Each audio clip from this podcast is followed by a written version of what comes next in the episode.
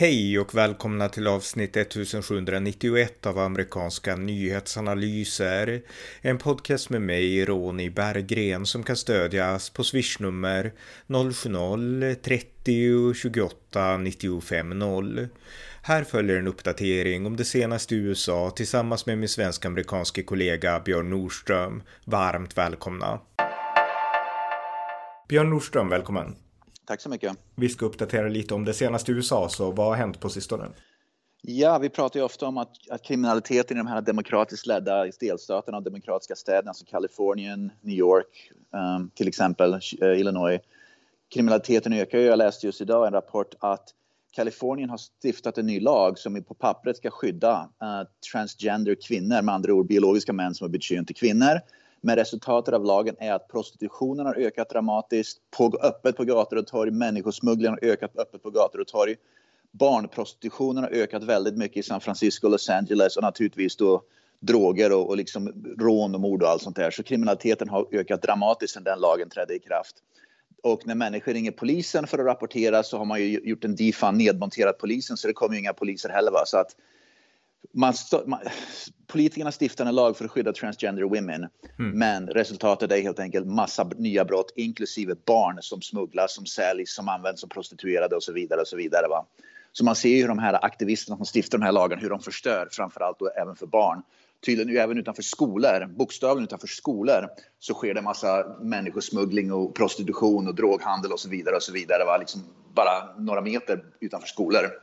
Ja, så. att det, det är liksom, Kalifornien håller på att totalt ras, rasera ihop alltså. Det, det, det, det, det är ett samhälle, det är en delstat som inte längre fungerar helt enkelt. Därför att man gör aktivistlagar som helt enkelt raserar alltihop och sen så tar man bort poliserna också. Mm, precis, och just att sexualbrotten har ökat är intressant i förhållande till just ämnet transgenders.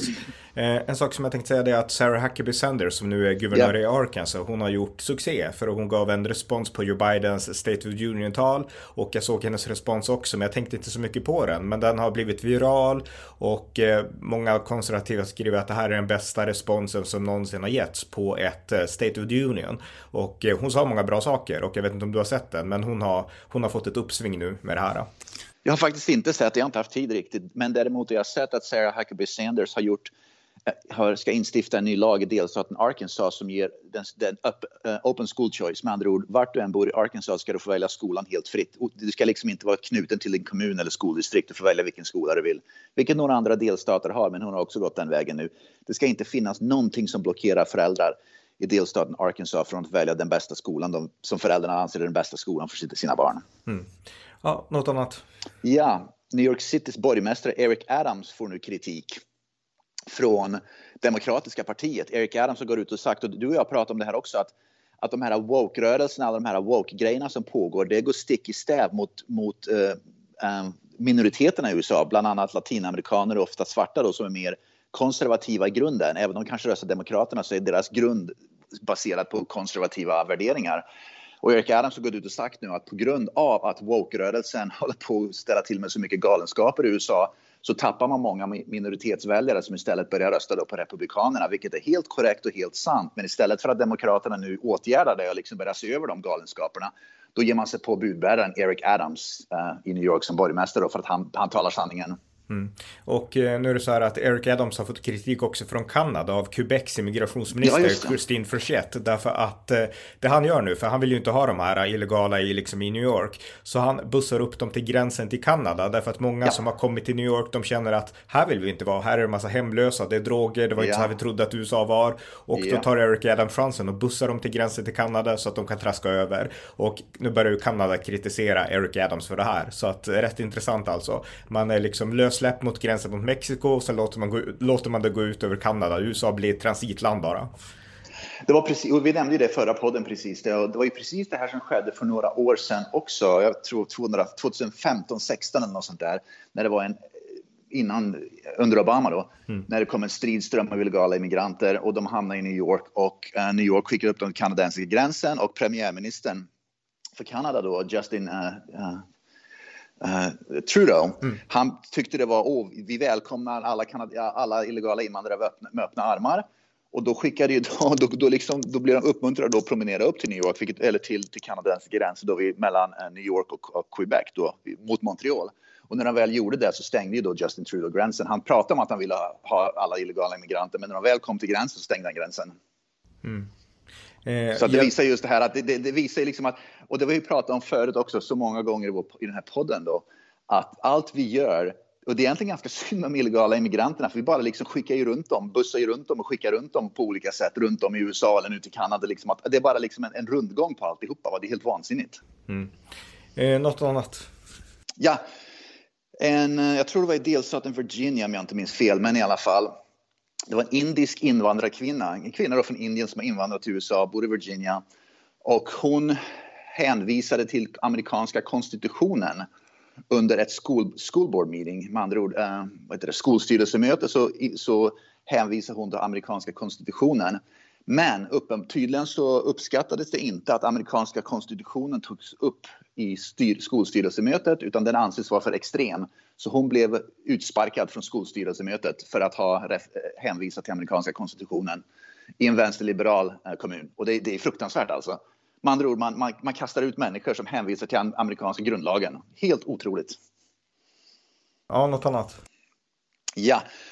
Vi har ju också pratat om sådana här förut att uh, John Kerry till exempel, han snackar ju då om det här klimat hit och klimat dit, men han själv flyger ju uh, naturligtvis då privatjet och så vidare. Jag såg att Bill Gates nu är den senaste i ledet att försvara, att, att, med andra ord att öppet hyckla om det här. Så Bill Gates har ju då ett eget privatplan och han flyger ju kors och tvärs runt om i hela USA med det samtidigt som han vill påtvinga vanliga människor att sluta flyga, att sluta resa, att, att, liksom, att börja cykla mitt i vintern och så vidare. Va? Och Bill Gates då gick ut officiellt och sa att jag bidrar med så mycket pengar till klimatrörelsen att jag, att jag liksom är, får ett fripass för att kunna flyga privatjet. Med andra ord, jag köper mig fri från, från skuld med andra ord. Det är helt fruktansvärt alltså att människor, det, det, det, han säger att vi som är rika har råd och vi kan köpa oss fria. Vi kan sen hacka på alla andra, men vi köper oss fria sen från, från någon form av skuld. Utan det är ni vanliga människor som inte har råd att köpa er fria. Det är ni som måste göra alla förändringar. Vi som har råd behöver inte, för vi, vi liksom köper oss fria från allt det där. Alltså det, det är så, hyckleriet är så fruktansvärt och det är det som gör att den här klimatrörelsen aldrig kommer att kunna etableras på, på ett, vad ska man säga, annat än med aktivister och vänsterextremister och den rika eliten. Vanliga människor som jag pratar om framförallt då, människor som då här i USA till exempel, latinamerikaner och svarta som tyvärr ofta lever i, i, eh, i, i, i mer kanske fattigdom kommer aldrig kunna haka på sånt här nummer ett, de har inte råd. Och nummer två, de, de liksom, man ställer inte upp på det där skiten längre. Man, liksom, man, man bryr sig inte om sånt där, man ställer inte upp. Man, man liksom, det, det, är liksom, det, det, är så, det, är så, det är ungefär som att Bill Gates tillhör en helt annan värld. Det han snackar om har inget med mig att göra. Mm. Oavsett om det är klimat eller inte. Nej, precis. Eh, en person som vi alltid pratar om det är Lia Thomas. Den här transgender-personen som har bytt kön från man till kvinna. Och som deltar i liksom kvinnoidrott. Nu har en person från kvinnoidrotten, Riley Gaines heter hon. Hon är någon slags advokat och en idrottare också tror jag. Hon har sagt att, eller hon kräver nu att man ska ha separata omklädningsrum för transgenders. Därför att hon personligen och även andra kvinnor, de har liksom tvingats duscha tillsammans med med Lea Thomas ja. som då är en man, ja. alltså han har helt vanliga ja. manliga könsorgan, vilket många transgenders har. Så att eh, de känner sig väldigt obekväma med det och nu kräver hon att, eh, alltså om de här ska finnas i våran sport, vilket de egentligen inte vill, men ska det vara så så måste de åtminstone ha separata omklädningsrum. Och eh, det är ett ganska rimligt krav kan jag tycka då. Och det har vi pratat om länge nu, det är att man, liksom, man måste börja ha separata tävlingar, man måste ha separata omklädningsrum och så vidare. Och så vidare. För att tänker vi på internationell nivå och sim, internationella simningsförbundet var väl det som satte ner foten först för det här. Det kanske beror på att, att chefen för internationella simförbundet är från ett muslimskt land, om det är Qatar tror jag. Uh, där man inte accepterar sånt där. Så det, mm. det, är bara en tidsfråga innan man börjar separera allting. Att man har liksom tre omklädningsrum, transgender, män och kvinnor och tre tävlingar, transgender, män och kvinnor och så vidare. Det är bara en tidsfråga. Va? Tyvärr så, så kommer det ta så lång tid så man hinner förstöra en massa människors liv under tiden. Men det liksom bryr sig inte vänstern om. Va? Men vi kommer att hamna där till sist. Även om det kommer att kosta många människor, framförallt kvinnor, deras chanser och möjligheter och deras liv. Och på tal om, om, om transgender, Republikanerna under State of the Union bjöd in en av de här simmerskorna som kritiserade Lea Thomas att hon fick, han, hon fick vara med och tävla. Så att en så att hon, hon, var med på, hon var inbjuden av Republikanerna att sitta med på State of the Union. Och hon, naturligtvis fick Republikanerna oerhört mycket kritik av vänster, vänsterfalangen av det. Just det. Mm. Ja, det visste jag inte, men okej, okay, intressant. Ja. Eh, något annat då? Ja, Alexandra Ocasio-Cortez. hon kämpar ju då för att man ska, ska stänga av all olja. Liksom så fort som möjligt ska man göra sig av med olja och liksom inte producera något mer och så vidare. Men Biden tydligen för några dagar sedan innan, jag tror kanske till och med i State of the Union, någonting som var unscripted som inte stod med, men han pratade just om att han ville uh, göra någonting med olja. Men i alla fall innan State of the Union så fick han tydligen en fråga av en um, oil executive, med andra ord en hög chef då för, för oljeföretagen. Och han sa, hans svar var tydligen att vi kommer att behöva använda olja och pumpa mer olja nu minst de närmsta 10-15 åren. Så att det är liksom, vi kommer inte att dra ner på det. Va? Han, han, han, sa faktiskt, han sa faktiskt så i State of Union också. Ah, vi behöver olja också. Okay. Vi ska ställa om, men vi behöver olja, sa Precis, okej, okay, okay, det gjorde han med bra då. Men i alla fall, poängen här med att, att Alexandria Ocasio-Cortez blev nu, um, jag menar, hon blev förbaskad på det, men republikanerna i representanthuset har liksom har stoppat hennes hon ville tydligen framföra någon, någon ny, nya vad ska man säga, förbud mot olja och så vidare. Va? Men republikanerna i kongressen, var det igår eller förrgår, stoppade hennes planer på att, att, att liksom förbjuda olja och, och, eh, bensin och sånt där. Så att majoriteten nu som har förändrats i kongressen då, i representanthuset direkt sätter stopp för Alexandra Cortez, eh, Ocasio-Cortez galenskaper. Mm. Och det, det, är goda nyheter. Ja.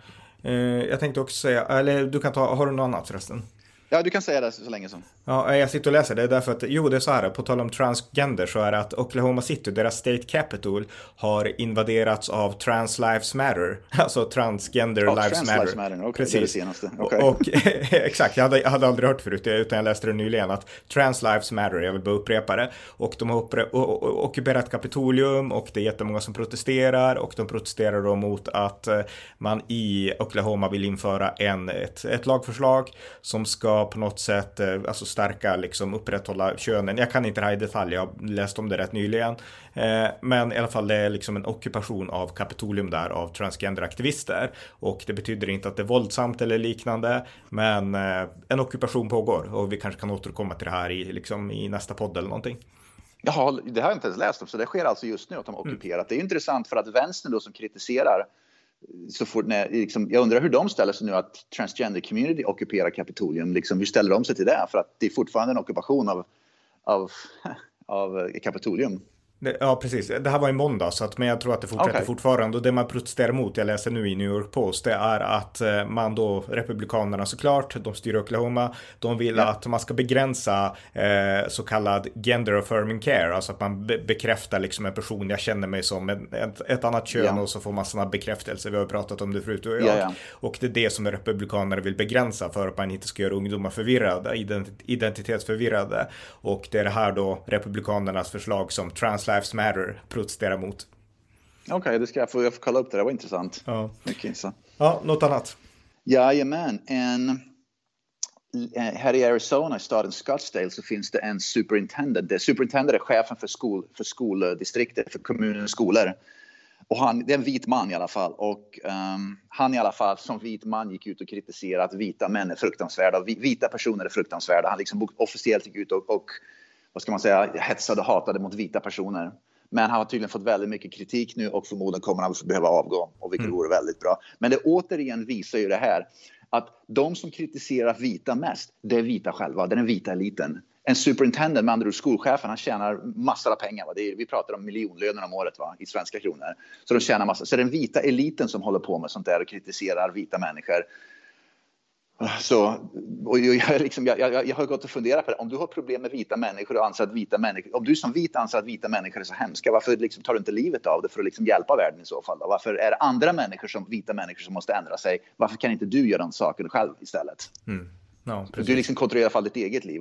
Men i alla fall, så man, man ser att haten och hetsen mot vita fortsätter oavsett om det liksom är politikerna eller om det är media eller om det nu är en skolstyrelseledamot, liksom chefen för skolor. Mm. Mm. Ja, något annat? Ja, Demokraterna, allt fler demokrater, vi pratar om det här också, anser att eh, man har helt tappat förhoppningen. Eh, även demokrater nu i kongressen i USA har tappat förhoppningen, tappat liksom förtroendet för Kamala Harris. Jag minns inte vem, vilka det var som sa det här, men i alla fall att eh, det var några kongressledamöter i, eh, i demokratiska kongressledamöter i representanthuset som tydligen inte kunde komma på en enda sak som, har, som Kamala Harris har gjort för att förbättra för USA. Mm när de fick frågan. Med andra ord, det var, de, de kunde inte komma på någonting Kamala Harris har uträttat egentligen som vicepresident. Så min gissning är Nummer ett, de här poll numbers. Jag tror bara att jag såg en, en uh, opinionsundersökning. Bara 35 procent vill ha Joe Biden som presidentkandidat igen och majoriteten, majoriteten av amerikanerna, majoriteten av demokraterna vill inte ha honom. Och detsamma tror jag gäller för Kamala Harris. Min gissning är att det förmodligen varken kommer att bli Biden eller Kamala Harris. För jag tror att Demokraterna inser att om de vill behålla Vita huset en mandatperiod till så kan de inte ställa upp med Kamala Harris eller Joe Biden eller en kombination av dem. De måste ha helt nya krafter där för att de vet att annars kommer de att förlora. Så Demokraterna sitter nu i en, i en ganska svår sits. Om Joe Biden vill liksom köra presidentkandidatsracet igen, kan, hur kan man stoppa en sittande president från att bli presidentkandidat igen? Det, liksom, det är ju svårt det också, va? Mm. även om alla vet att det, han borde inte bli det. Han borde ta det beslutet själv. Mm. Nej, nej, man, kan det, ju inte, man kan ju inte det. Han bestämmer ju det själv ändå. Men alltså specifikt, specifikt så är siffrorna, jag läser nu att de är eh, av demokratiska väljare så vill bara 37 procent att han ställer upp, medan 62 procent vill att han yeah. inte ställer upp. Så att eh, Demokraterna vill ju inte ha honom egentligen. Precis, så jag tror, jag tror det gäller att övertyga Biden att det är dags för honom att pensionera sig. Problemet är ju då att Kamala Harris, om hon bestämmer sig för att vara med i racen, att hon är den naturliga ledaren att ta över, det vill inte Demokraterna ens heller. Va? Så de sitter i en jäkla rävsax helt enkelt. Så att eh, om vi, om vi tror att, att Republikanerna har problem med Trumps, att han hoppar in i racet nu och skapar problem, Demokraterna har ett mycket större problem. Mm. Eh, en annan sak som man kan ta lite snabbt här är att John Fetterman som då vann eh, ja. senatsvalet i Pennsylvania, han hamnat på sjukhus och han vart ju känd för att han vart eh, han fick ju en stroke eh, och ja. Eh, han, ja, trots det så vann han då liksom. och nu har han hamnat på sjukhus igen och det visar kanske, nu vet jag inte, det här verkar inte ha någonting med den stroken att göra säger de, så att det kanske är en lätt sak. Men alltså, man måste ändå ta i akt när man, när man liksom lyfter fram de här med, med, med sjukdomar. Någonting kan hända och då blir det ju kaos i liksom politiken. Ja, han, han tydligen genomgår nu just as we speak en massa tester på sjukhuset. Och precis, och problemet som de har, jag menar de ska utse en ny, men det, det, det, det gör att om han är frånvarande eftersom han är senator, va? eller hur? Mm. Och det är ju så jämnt i senaten, men senaten är i princip delad. Va? Men och så, om, de, om, han är senator och inte kan vara med och rösta om vissa saker, det är helt plötsligt så på grund av hur jämnt det är så, så vinner republikanerna helt enkelt omröstningarna för att han kan inte vara med och rösta. Va? Och jag såg att John Manchin nu till exempel som är senator för West Virginia, han är då demokrat han har, han, har hoppat, han har hoppat över till Republikanernas läger i vad var ESG, med andra ord, äh, har med energi att göra. En, en, en väldigt viktig energifråga. Eh, West, Virginia är då känt för till exempel kolgruvorna, va? men han, han står på Republikanernas sida vad gäller energifrågor och framförallt att Joe, Joe Biden vill införa woke-grejer i energifrågor. Och det, det, är Joe Manchin helt emot. Och det har att göra med investeringar, hur man ska investera amerikanska, eh, vad ska man säga, så när man bor här i USA och betalar in till, till man betalar vad som heter 401k, 401k, det är med andra ord um, ska säga, uh, vad heter det, pensionsplaner. Mm. Då betalar man in de pensionsplanerna och sen de pensionsplanerna då investeras på olika sätt. Va? Joe Biden vill tvinga pensions, de som administrerar pensionsplanerna då för vanliga knegare som liksom betalar in till sin pension, va? att de måste investeras i vad ska man säga, gröna grejer och de här woke-rörelsen woke och gröna företag med andra ord. Va? Och som över tid har visat sig haft lägre avkastning för pensionssparare. Va? De är helt enkelt sämre pensionssparingsmedel. Men Joe Biden har sagt att han ställer inte upp på Joe Bidens, vad ska man säga, att Biden då vill tvinga människor att, att investera i vad de här woke och gröna företag, utan man ska få investera i de företag man, man vill själv för sina, för, för sina surt förvärvade pengar inför för pensionen. Och där avgör då naturligtvis som John Fetterman till exempel inte kan vara med och rösta när den omröstningen går, ja då vinner ju Republikanerna det över Joe Biden, det är inget snack om det va. Just det, något annat eller är vi klara? Ja, ja jag har ett par grejer till. Um, det finns en, jag minns inte han heter det i alla fall, en, en politiker, i, en kommunalpolitiker i staden Los Angeles i Kalifornien. Han var en av dem som ville verkligen göra defund the police. Man, han, ville, han var en som har sett till att, att Los Angeles polismyndighet är nedskuren men han själv äger till en väldigt fin Lexusbil, en väldigt stor fin Lexusbil. Och han har nu krävt att den bil, Los Angeles har blivit så, vad ska man säga, det är så mycket kriminalitet i Los Angeles. Eh, så att han kräver nu att polisen, samma polis som han ville skära ner för att vanliga människor inte ska få polisskydd längre, liksom en säker vardag längre. Han vill att polisen ska börja skydda hans fina Lexus så att inte någon stjäl den eller bryter sig in i den. Snacka om, hy om, eh, om hyckleri alltså. Ja, han heter eh, Hugo Soto Martinez heter han. Okej, okay, där var det, ja precis. Mm. Men det visar ju det här typiska. De, de, de uh, politikerna bestämmer då saker och ting som, som påverkar oss vanliga människor.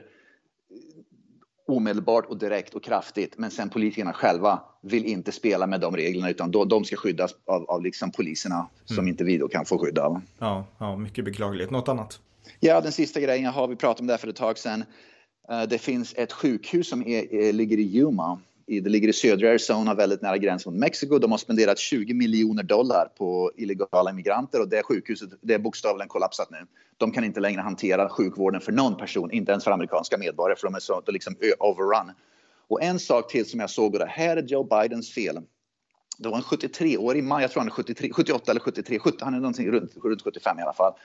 Han äger en, en cattle ranch, med andra ord boskaps vet det, han är boskapsranch i södra Arizona mot gränsen mot Mexiko.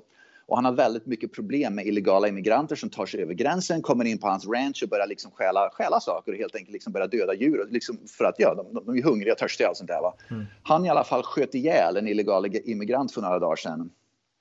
En, samma illegala immigrant som tydligen har korsat gränsen illegalt dussintals gånger. Och liksom han, han, åker jojo, han promenerar jojo, så han är i alla fall över gränsen. Mm. Så den här amerikanska mannen då skyddar sin property, sköt ihjäl illegala immigranten och han sitter nu i fängelse och ska åtalas för mord. Men det här ska bli ett väldigt intressant fall därför att han själv hävdar att det var självförsvar. Det var en illegal, det var en person som kom på hans privata mark och han blev rädd och visste inte vad han skulle göra så att han sköt. Men personen, då, illegala immigranter, hade inget vapen på sig så att han var inte. Det visade sig i efterhand att det inte var ett direkt hot. Men det ska bli intressant att se nu hur Arizonas, vad ska man säga, rättssystem ställer sig till om någon kommer på din property som visar sig inte bära vapen. Har du rätt att skjuta ihjäl den i liksom självförsvar eller för att skydda din property, skydda din egendom? Mm. Och det är där det kommer ner till. Men grundproblemet är att det är Joe Bidens fel. Den här mannen hade aldrig skjutit ihjäl den här illegala immigranten om Joe Biden hade haft ordning vid gränsen. Nej, han var ju tvungen att vara sin egen gränsvakt för att staten Precis. inte tog ansvar.